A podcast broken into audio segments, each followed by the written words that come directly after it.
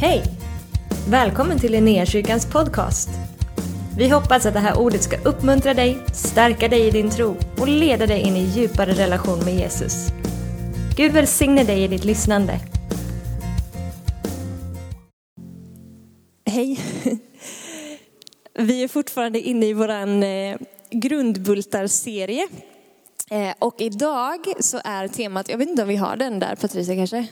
Guds närvaro i, i gudstjänsten. Bra ämne tycker jag. Eh, vi ska göra vårt avstamp i andra Moseboken tänker jag. Andra Moseboken kapitel 3.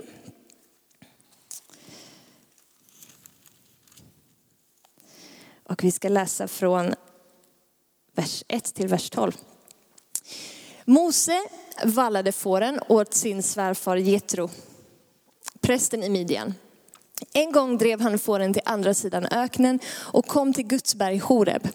Där uppenbarade sig Herrens ängel för honom i en eldslåga som slog upp ur en buske. Han såg att busken brann av elden utan att busken brann upp.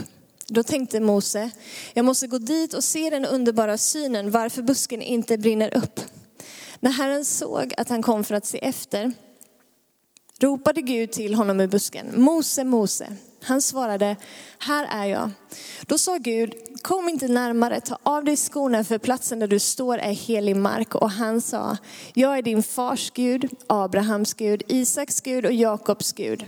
Då dolde Mose ansiktet för han bävade för att se på Gud. Och Herren sa, jag har sett hur mitt folk förtrycks i Egypten och jag har hört hur de ropar över sina plågare. Jag känner deras lidande. Därför har jag kommit ner för att rädda dem från egyptierna och föra dem ut ur det landet upp till ett gott och rimligt land. Ett land som flödar av mjölk och honung. En plats där det bor kananer, hetiter, amorer, periser, hever och jebusiter.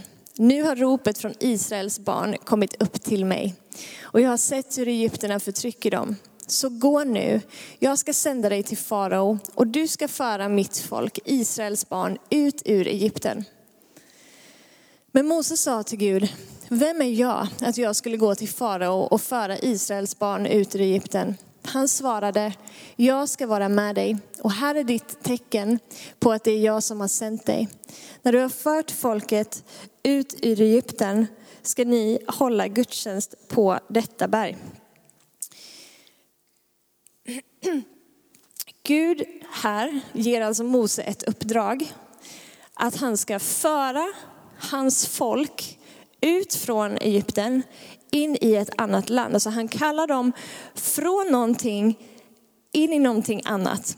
Och så säger han att när ni har kommit ut ur det här landet, då ska ni hålla gudstjänst inför mitt ansikte på det här berget. Eh, ordet där för hålla gudstjänst, det är på hebreiska aboda. Det är eh, verbformen, abba är substantiv, abad är substantivformen. Eh, det kan också översättas som att tillbe, det kan också översättas som att, att tjäna. Eh, och ordet används ibland för att beskriva det praktiska arbete som tjänare eller slavar utförde. Och ibland så används ordet för att beskriva den, den andliga tjänsten som prästerna gjorde inför Guds ansikte. Så det vi kan lära oss av det ordet i alla fall, hålla gudstjänst, eller fira gudstjänst, tillbe, tjäna, är att det går igen i hela livet. Eh, eftersom att det också handlar om ett arbete eller en tjänst inför honom så är det ett helt liv, en hel livsstil liksom, inför Guds ansikte. Så ha det lite i, i baktanken när vi eh, pratar om det. Hur som helst, folket blev utkallade ur slaveri. De har levt i slaveri under förtryck, betryck i Egypten i 400 år. Gud kallar dem genom Mose här eh, ut ur detta till att leva inför hans ansikte. Befrielsen hade liksom ett syfte. Det är inte bara i största allmänhet, nu är ni fria ifrån någonting, utan de blir satta fria till någonting. Befrielsen har ett väldigt tydligt syfte. Att nu kom hit, lev inför mig, lev inför mitt ansikte och tjäna mig. Så deras på något sätt uppgift är leva inför honom, bli formade av honom, att tillbe bara honom kulturen som var eh, i Egypten och runt omkring, man tillbad hur många olika gudar som helst. Det fanns liksom inte, i de andra folkslagen så var det liksom inte bara en gud som var gud, utan det var massa olika gudar. Men Gud gör liksom anspråk här till sitt folk att jag vill vara er enda Gud. Ni ska leva inför mig, ni ska tillbe bara mig. Och genom att ni tillber bara mig så kommer jag att uppenbara mig själv liksom genom er och andra folk ska se att jag ensam är Gud. Jag vet inte om ni minns att vi pratade om eh, församlingen, eh, några gudstjänster i somras. Och eh, vi pratade om ordet eklesia som Nya Testamentet använder för församling. Eklesia betyder utkallad. Alltså det var en grupp som var utkallad från en annan grupp av människor med ett särskilt syfte och ett särskilt uppdrag. Det här blir ju väldigt intressant i den här gammaltestamentliga kontexten när Gud kallar sitt folk ut ur någonting in i någonting annat. Och så kommer vi till nya testamentet och församlingen beskrivs som eklesia, alltså de som är utkallade till vad? Jo, till att leva inför hans ansikte, till att leva inför honom, tillhöra honom, tjäna honom och tillbe bara honom. Och vi blir sända med ett uppdrag. Precis som Guds kallelse här till Mose är. Han sänder honom iväg med ett uppdrag. Så Gud befriar oss, samlar oss till sig för att tillbe honom, för att fira gudstjänst, hålla gudstjänst inför hans ansikte, tjäna bara honom och gå dit som han säger att vi ska göra. Eh, när man läser vidare här i andra Moseboken så hinner man komma ända till kapitel 19 innan folket kommer fram till det här berget igen. Eh, ni vet att det tar ett tag innan farao liksom släpper iväg folket och sen kommer det ett röda hav emellan och allt möjligt. Men i kapitel 19 så kommer de fram till det här berget. Och det är intressant här nu för att Mose, han får gå upp på det här berget. Men folket får stå nedanför och vänta. Eh, och de, Gud uppenbarar sig på det här berget. Han manifesterar sin närvaro, han manifesterar sin härlighet. Och Mose får vara mitt i det. Folket får betrakta det på håll. De ser att Gud är där, men de, de får vara liksom lite så på avstånd åskådare till det. Så är inte fallet med eklesia. Så är inte fallet i, i Nya Testamentet. Där Jesus faktiskt har öppnat vägen för var och en att inom situationstecken gå upp på det där berget. Nu behöver inte du och jag stå och betrakta Guds härlighet på avstånd eller stå, stå på håll och se när Gud gör någonting, utan genom Jesu blod så är vägen, nu blir det mycket bibliska termer här, men in i det allra heligaste. Alltså platsen där Gud manifesterar sin närvaro den dörren har Jesus öppnat för dig genom vad han gjorde på korset. Han är den enda vägen in dit. Ingen av oss kan komma och liksom berömma oss av oss själva och säga, jag är rätt så bra, jag är en ganska god människa, därför får jag komma inför dig nu. Men Jesus var rätt så bra. Han gjorde det som krävdes, så genom honom så får vi gå in. Så du har i din identitet i Kristus, när du har sagt ditt ja till honom, blivit en ny skapelse så har du tillträde till den platsen. Det finns ingenting som i den bemärkelsen liksom kan skilja. Men våran, våran synd ibland gör någonting med vår egen insida så att vår egen förmåga att uppfatta Guds närvaro eller den platsen kan påverkas. Men du har tillträde genom Jesus in på den platsen. All right. Vi får alla gå upp, gå upp på berget. Och fortfarande idag så samlar Gud sitt folk till sig. Han kallar oss in i sin närvaro. Och den här samlingsplatsen, gudstjänst, alltså precis så som Gud kallade folket där, när de hade blivit befriade från någonting, så sa han, håll gudstjänst inför mig. Samma sak gäller idag. Vi har blivit befriade från någonting för att, vadå? Hålla gudstjänst inför honom. Gudstjänst med hela våra liv, men också den här samlingsplatsen är central för oss i vårt kristna liv.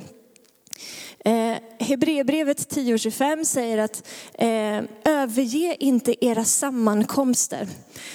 Och vi ser om vi läser i Apostlagärningarna eh, kapitel 2, när Eh, de första kristna, alltså när anden har fallit och de första kristna börjar samlas och det faktiskt börjar kallas för eklesia, så ser vi att de fortsätter att samlas. De fortsätter att hålla fast vid gemenskapen och de samlas kring eh, läran, eh, brödsbrytelsen och, brö och brönerna, bönerna. Eh, och gemenskapen. Alltså de, de förstod att den här platsen, när vi får komma tillsammans, den gör någonting med oss. Det här är platsen där vi, det, det blir en sån formativ plats på något sätt. I våran tro, i våran identitet som kristna. Vi får hämta kraft och styrka hos Gud, vi får hämta kraft och styrka i gemenskapen hos varandra. Och gudstjänsten är en plats som blir en interaktion mellan människa och Gud. Vi kommer ju inte hit liksom för att bli underhållna. Jag tror ingen av oss sitter här för att vi vill bli underhållna. Vi sitter ju här någonstans för att det finns en längtan i våra hjärtan att vi vill möta Gud. Och den här samlingsplatsen är en plats som, som Gud bekänner sig till. För han har sagt att det två eller tre är samlade i mitt namn, där är jag mitt ibland dem. Det är hans löfte till oss. Och det, alltså vi har ju hört det hundra gånger kanske, men, men det är fortfarande lika sant. Att två eller tre är samlade i mitt namn, där är han mitt ibland oss. Så jag kommer till gudstjänst med en förväntan på att få möta honom. Jag kommer till gudstjänst med en förväntan på att få uppleva hans närvaro. Att han ska göra någonting i mitt liv, att han ska tala till mig, att han ska röra sig mitt ibland oss. Men den förväntan hos mig bygger ju inte på att så här, Först så vevar vi igång det här bandet med lite härlig musik liksom, som kittlar mig lite i öronen och kanske det blir riktigt starkt så att jag till och med känner för att lyfta mina händer. Och så liksom, finns det någon slags bara vev som man man pumpas upp liksom av någon slags mänsklig entusiasm. Och sen så när man går utanför kyrkan så tar det tre minuter och så bara så har den här luften gått ur ballongen igen det är ju inte det som vår förväntan bygger på, liksom, att, att någon står här och är liksom allmänt tokinspirerad och, och liksom peppar och, och coachar igång dig. Utan förväntan sitter ju i löftesgivaren, alltså i Jesus själv. Han som säger att två eller tre är samlade i mitt namn, där är jag mitt ibland dem. Hos honom sitter min förväntan. Hos honom sitter mitt hopp. Att han är trofast sitt eget ord. Att han håller det som, som han har lovat. Okej okay, friends. Vi ska hoppa tillbaka lite in i, i den här texten. Och, eh, nu ska jag försöka hålla mig till fyra punkter som jag har skrivit ner. Vi får se hur det går, men det är min ambition i alla fall. För vi kan lära oss någonting, tror jag, utifrån den här texten när det kommer till eh, att fira gudstjänst. Och eh, jag vet inte om du fick in de punkterna där, eh, Patricia? Gud kallar till sig själv, Gud, Gud talar, vi svarar och Gud sänder. Där kring ska jag försöka röra mig lite nu då. Vad är det som händer här i den här texten? I vers eh, två, där uppenbarade sig Herrens ängel för honom i en eldslåga som slog upp ur en buske. Han såg att busken brann av elden utan att busken brann upp. Då tänkte Mose, jag måste gå dit och se den underbara synen, varför busken inte brinner upp. Så Gud är den som väcker Mose uppmärksamhet genom att Gud först väljer att uppenbara sig i den här busken. Alltså vad är det som gör att Mose går till den där busken? Ja, det är ju ett märkligt fenomen att en buske brinner utan att brinna upp. Men det, det finns en närvaro av Gud i den här busken som, som är attraktiv. Som gör att Mose liksom drar sig dit. Så det finns ett gensvar hos Mose när Gud först uppenbarar sig. Gud drar Mose till sig. Gud kallar Mose till sig genom att visa sig på det här sättet. Och det finns ett gensvar hos Mose där han bara, jag måste gå dit. Jag måste se vad det här handlar om. Och, och, Gud säger, kom inte hit, ta av dig eh, skorna för platsen där du står är helig mark. Och det här är ju liksom inte att Gud bara så här, stopp i lagens namn, jag vill inte ha med dig att göra. Det är Gud som från början har liksom dragit honom. Men platsen där du står är helig mark. Vad är det som gör att det blir helig mark? Det är ju Guds närvaro. Eller hur? Det är ju inte liksom, här var det extra fin sand. Guds närvaro där gör att det blir en, en helgad plats. Och, och han gör Mose medveten om att min närvaro är helig. Du kan liksom inte, i min närvaro så beter man sig inte hur som helst. Det finns en, en gudsfruktan i den här kontexten på något sätt. Ibland tror jag kanske att vi blir lite familjära, i, framförallt i våran tid nu eller i min generation, när vi pratar om Guds närvaro liksom, och vi pratar om att vi har fritt tillträde och Gud är god och Gud älskar och allt det är så sant. Men vi kanske tar lite lätt på det ibland. Gud är en helig Gud. Och i hans närvaro så Det är som att vissa saker måste falla bort i hans närvaro. Vissa beteenden eller attityder eller så, det faller bort i hans närvaro. Där han är, där är helig mark.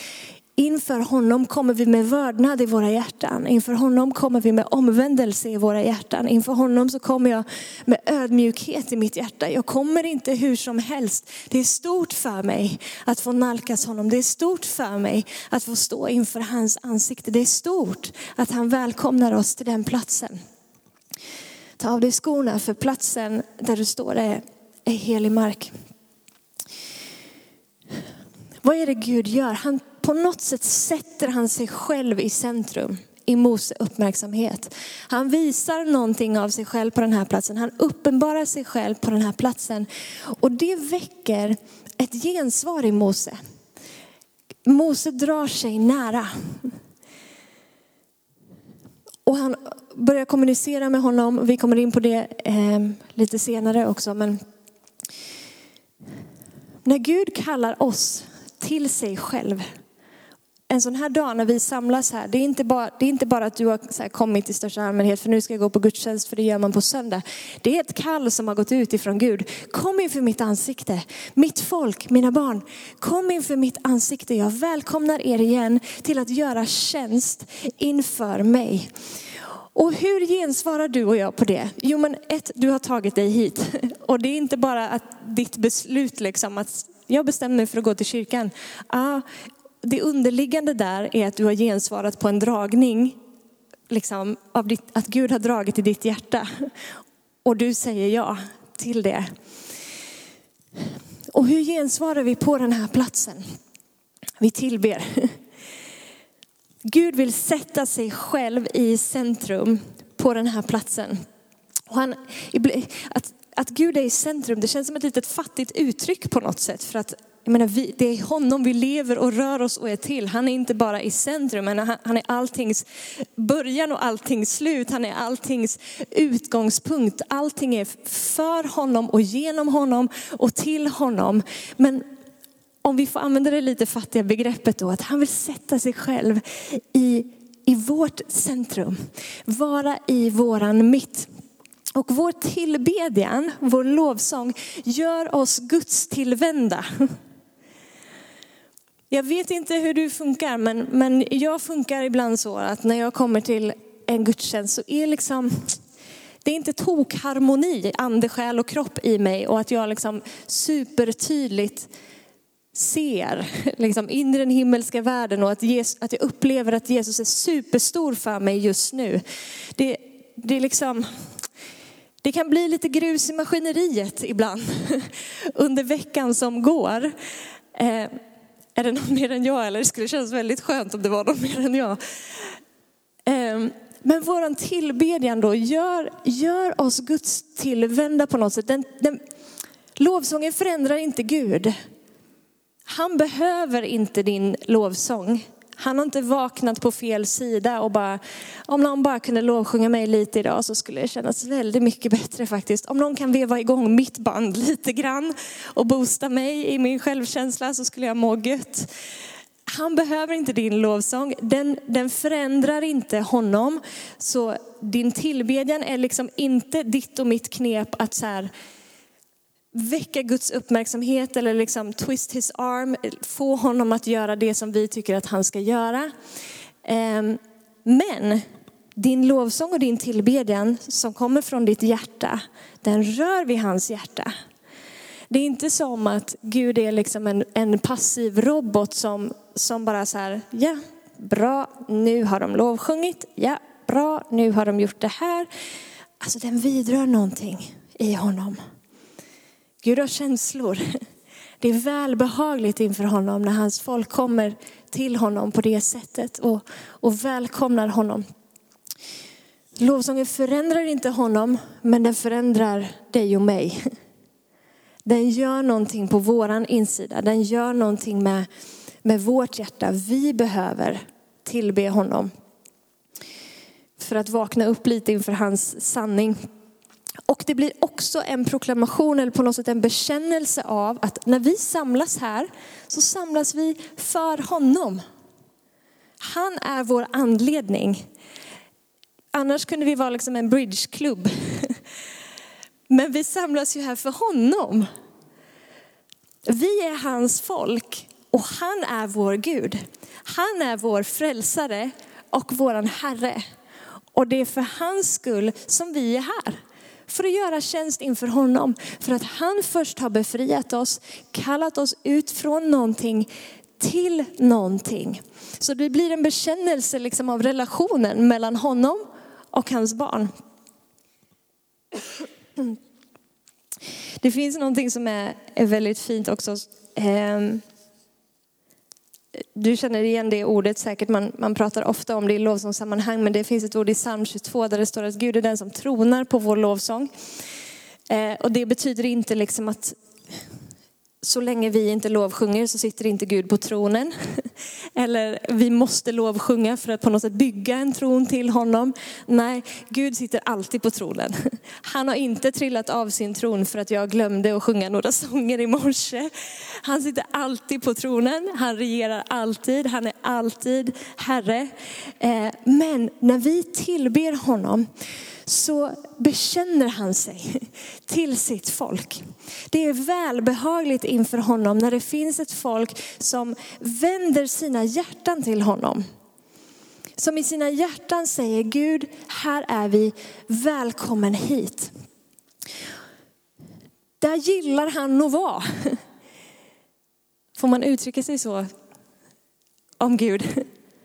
Han gillar att vara där. Det vi gör när vi tillber honom är att vi skapar en kultur och en atmosfär som är välbehaglig för Guds ande. Där han gillar att hänga liksom. Där det finns ett folk som säger, Herre vi är här för dig. Allting handlar om dig. Du är vårt centrum, det är dig vi tillhör, det är dig vi tillber. Det hedrar hans hjärta och det välkomnar honom ibland oss. Jag längtar efter att ännu mer kunna liksom igenkänna hans närvaro och bara, vet när man bara vaknar upp liksom och bara, oj, Gud är här. Gud är här. För när man inser att Gud är här, när man vaknar upp inför hans närvaro, då finns det på något sätt bara en rimlig respons. Och det är att lovsjunga honom. Jag vet inte om du har varit med om det någon gång, men jag har varit med om det vid några tillfällen där liksom Guds närvaro blir så otroligt påtaglig. Och det har hänt vid ett par tillfällen när jag har lett lovsång här. Där min upplevelse har blivit att Guds närvaro är så påtaglig och det är som att all min planering, all, liksom, all min agenda, allting bara faller. Och bara, Gud, jag, jag vet inte vad jag ska göra nu förutom att bara, jag älskar dig Jesus. Jag älskar dig Jesus. Det finns liksom ingenting annat jag kan göra eller säga. Du är här. All, liksom, hela vår schemaläggning, alla våra fina program. Oj vad det kommer till korta, oj vad det liksom bara faller ner. När han gör sig känd mitt ibland sitt folk. När, när kungen kliver in i rummet, där får all, alla knän liksom böjas. Jag brukar tänka den tanken ibland, hur skulle jag reagera? Vad skulle jag göra om Jesus i egen hög person, liksom i fysisk människa, klev in genom den här dörren just nu och bara var här? Vad skulle jag göra då? Jag ska ju sannerligen inte stå och klaga. Alltså ni fattar, när man får det perspektivet liksom så bara, ja nej det finns ju ungefär bara en sak att göra och det är att välja att falla ner och tillbe honom. Och så är det ju alltid, även om vi inte ser honom i sin mänskliga gestalt här, men han är ju här genom sin ande. Låt oss vara ett folk som som hedrar hans närvaro. Vi har inte bråttom i hans närvaro. Vi kan ge honom frihet och utrymme att göra det som han vill göra. Att röra sig så som han vill göra. Det är inte, det är inte liksom jag eller Jakob eller någon annan som leder lovsång som håller i stafettpinnen liksom och bestämmer nu ska den här gudstjänsten bli si och nu ska den här gudstjänsten bli så. Förhoppningsvis. Eh, utan vi får vara liksom underledare till Gud och låta honom bestämma vad som, vad som ska hända här. För han har en agenda. Han vill möta sitt folk. Mer än vad du är intresserad av att möta honom så är han intresserad av att möta dig. Mer än vad du längtar efter honom så vill han möta dig. Och ett hjärta som hungrar och ett hjärta som längtar möter han alltid. Han är en Gud som springer oss till mötes. Vi står inte och ropar och sjunger för döva öron. Han var den som först kom ner. Han var den som först liksom löste dig och mig från förgängelsen. Han var den som först drog sig nära och så är det fortfarande. Han drar sig nära. Och det vi gör är liksom ett gensvar på hans initiativ, någonting som han redan har gjort eller rört, rört i oss. Okej, punkt två. Gud vill tala, vi tar emot hans tilltal. Vad händer här när Mose drar sig nära den här busken? Det är att Gud börjar tala till honom från den här busken. Så Gud uppenbarar sig själv, på något sätt gör sig själv till händelsernas centrum, visar någonting av vem han är och därifrån så går hans ord ut. Likadant när vi samlas på den här platsen. Vi förväntar oss att Gud ska tala. Och vi vet att Gud talar genom sitt ord och, och det här ordet är evigt och det, liksom, det, det, ringer hela tiden, det går ut hela tiden. Men det finns också någonting specifikt som Gud vill tala till dig och mig. Ibland liksom gemensamt till sitt folk men ibland till dig som individ. Därför, därför predikar vi till exempel, för vi tror att hans ord är ande och liv. Och att när vi talar hans ord så är det någonting som blir förlöst på den här platsen. Och det tar vi emot genom tro i våra hjärtan. Så du och jag kan sitta med en hållning där vi säger, Gud, vad det än är du har, jag vill ha det.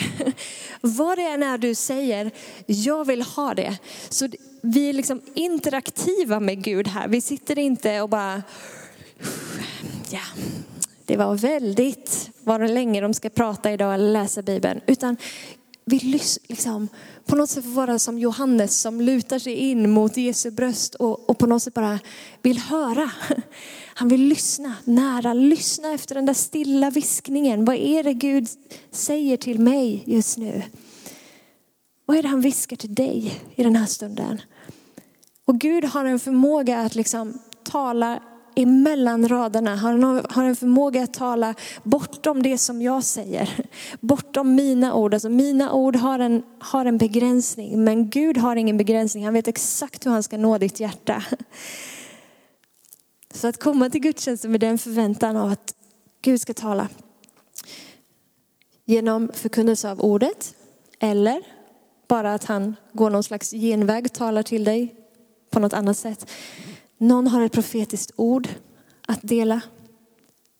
Antingen så här i gudstjänsten eller liksom i förbönstunden eller till någon i bänken eller i liksom fikat innan eller efter eller när det nu än kan vara. Men Gud är aktiv. Han vill förlösa någonting in i ditt liv och in i ditt hjärta genom att faktiskt tala. Guds ande också bekänner sig till när, när Jesus predikas enligt ordet, enligt det här. Det är välbehagligt för Guds ande. Och det står när lärjungarna eh, i Apostlagärningarna, när de predikade ordet, så var Gud där och bekräftade ordet med under och tecken. Så när ordet går ut så är Gud där för att också verka det som vi precis har pratat om att han ska göra. Om vi till exempel pratar om att Gud botar sjuka, då kan vi förvänta oss att Gud vill bota sjuka. Att han faktiskt bekänner sig till sitt eget ord, han är trogen sitt eget ord, han håller sina löften. Så vi predikar ju inte det här för att bara i största allmänhet lära oss att Gud botar sjuka, även om vi också behöver lära oss det. Men vi tror ju att han faktiskt gör det då, när han säger att han ska göra det. Oj vad ni verkar glada över det. Okej, punkt tre. Vi svarar, vi gensvarar. Eh, Mose gensvarade genom att ett dra sig nära, han som först hade kallat Mose till sig själv. Men han gensvarar också eh, genom att börja prata med Gud. För Gud säger någonting till honom och Mose svarar. Dialog med Gud är lika med bön. Så när vi ber i en gudstjänst så är det liksom del av vårt gensvar till honom.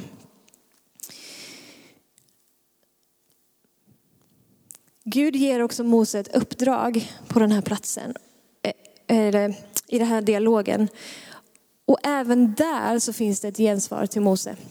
Men så det, det som min poäng är här, bara för att liksom prata om vad det är vi gör i en gudstjänst. Alla de här momenten som finns här liksom, av bön och lovsång, av betjäning eller dop eller vittnesbörd. Alla de grejerna är ett gensvar till någonting som Gud gör. Vi ber för att han har inbjudit oss att be. Vi pratar till honom för att han först talar till oss. För att han är den som initierar dialog och som på något sätt säger, kom till mig. Du kan göra ditt hjärta känt inför mig. Jag, jag vill liksom gripa in i ditt liv. Jag vill möta de olika områdena som, som du bär i ditt hjärta. Kom, låt oss snacka med varandra och låt mig visa dig att jag vill verka. Varför betjänar vi varandra i förbön? Jo, för vi tror att det två eller tre är samlade i hans namn, där är han mitt ibland dem.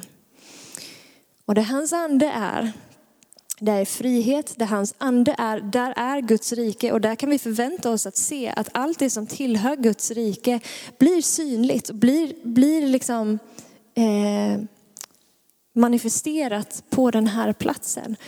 När det gäller till exempel att människor blir botade från smärta eller sjukdomar. Eller blir befriade från vad det än är man kan behöva eh, bli befriad ifrån. Vi förväntar oss att eh, det finns en, en respons i oss av omvändelse. För att där Herrens ande är så överbevisar han ibland om synd. Och han visar oss också att han förlåter våran synd. Så vi vänder om i våra hjärtan som en respons, som ett gensvar på det som han faktiskt gör. Att vi firar nattvard, det är också ett gensvar på någonting som Gud har sagt att vi ska göra. För att han vill, för att han vill påminna oss om vem han är. Okej, ni fixar eh, tre minuter, fem minuter till.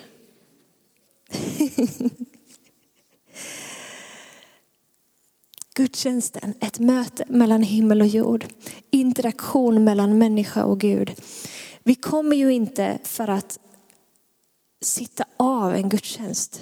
Vi kommer ju inte för att konsumera en upplevelse, eller hur? Vi säger ibland att vi, vi går till kyrkan. Ja, alltså vi har ju gått in i den här kyrkbyggnaden Men på ett sätt så kanske vi inte kan säga så att vi går till kyrkan, för vi är kyrkan. Och vi går inte på gudstjänst, utan vi firar gudstjänst tillsammans. Vi gör gudstjänst tillsammans. Du har en del i det här. Det är inte liksom jag och Jakob och lovsångsteamet som serverar dig en upplevelse här. Utan hela grejen är att du är här för att interagera med Gud. You have a part to play. Du har en roll i det här. Och Bibeln säger att när vi samlas så har alla någonting att ge. Någon har en psalm, någon har ett ord till uppmuntran, någon har ett ord till uppbyggelse. Så den som du är och det som Gud har lagt över ditt liv, de gåvor som finns i dig, de talanger som finns i dig, din personlighet fyller en funktion på den här platsen. Du är en lem i den här delen av Kristi kropp som, som också är till för att göra tjänst inför honom. Det är inte liksom jag och Jakob som står i tjänst för att vi råkar liksom ha betalt för att jobba här i församlingen. Utan du gör tjänst inför Gud med hela ditt liv. Men när du kommer hit, när du lovsjunger honom, du gör tjänst inför hans ansikte. När du ber för någon annan, du gör tjänst inför hans ansikte. Kommer ni ihåg det hebreiska ordet aboda? Som, betyder, som här är översatt som fira gudstjänst, men som också betyder att tillbe eller att tjäna eller att arbeta. Du gör tjänst inför hans ansikte när du kommer med dina böner. Du gör tjänst när du på olika sätt gensvarar. Så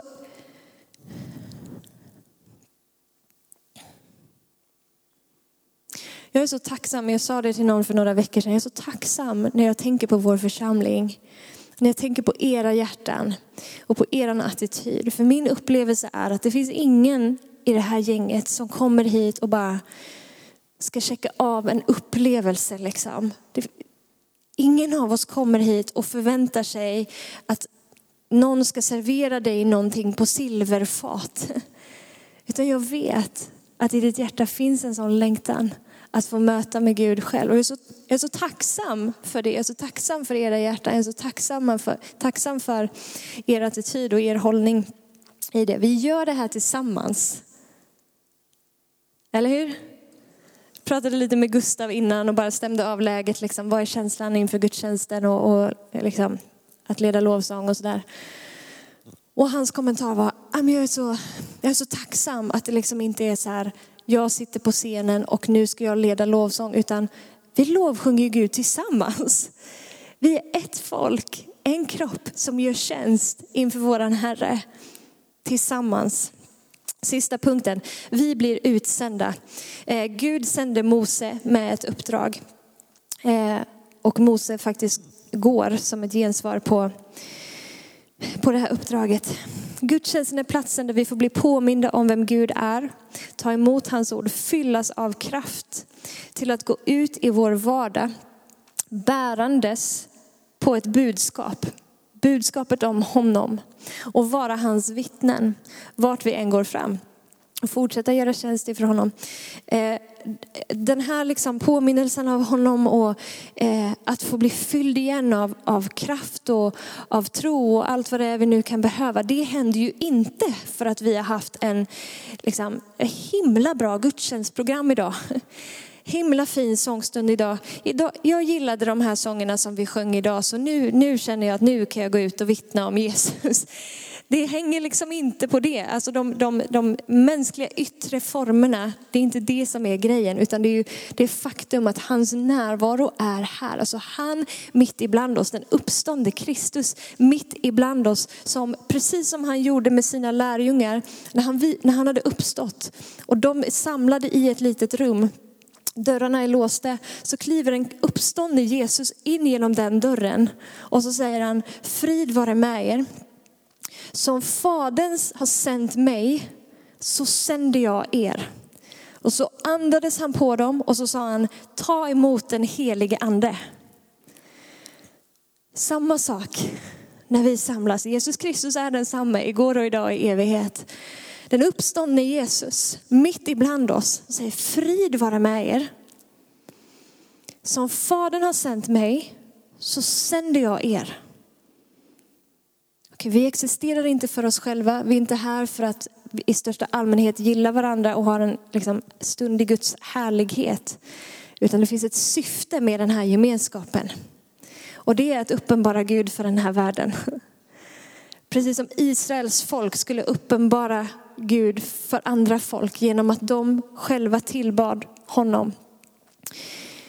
Som Fadern har sänt mig så sänder jag er. Ta emot den helige ande. Och så sänder han ut dig i den helige andes kraft. Men det börjar med mötet med honom här. Amen. Ska vi stå upp och be? Herre, vi tackar dig att du är mitt ibland oss. Vi tackar dig för det löftet, tackar dig att det löftet är sant. Vi vill välkomna dig på den här platsen, kungars kung.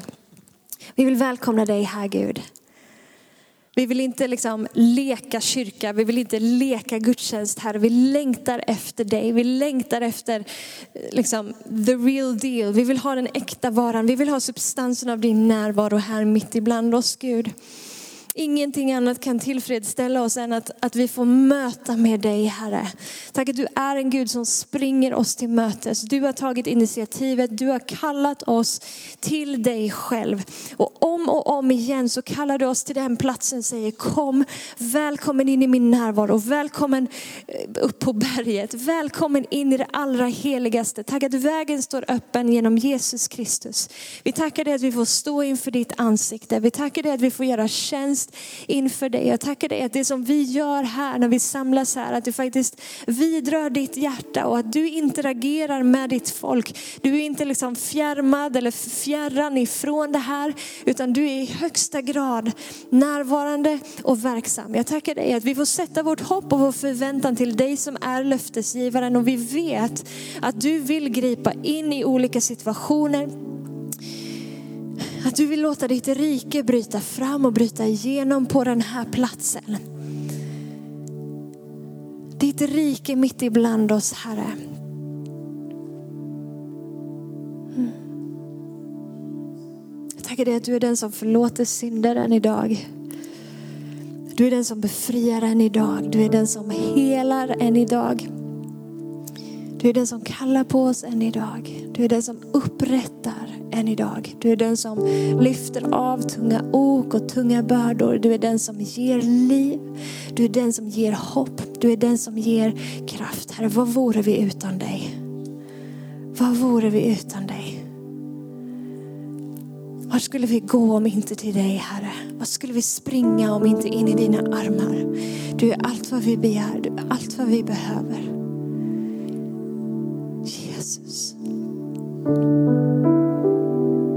Tack att vi får springa in i din famn Gud och, och du springer oss till mötes.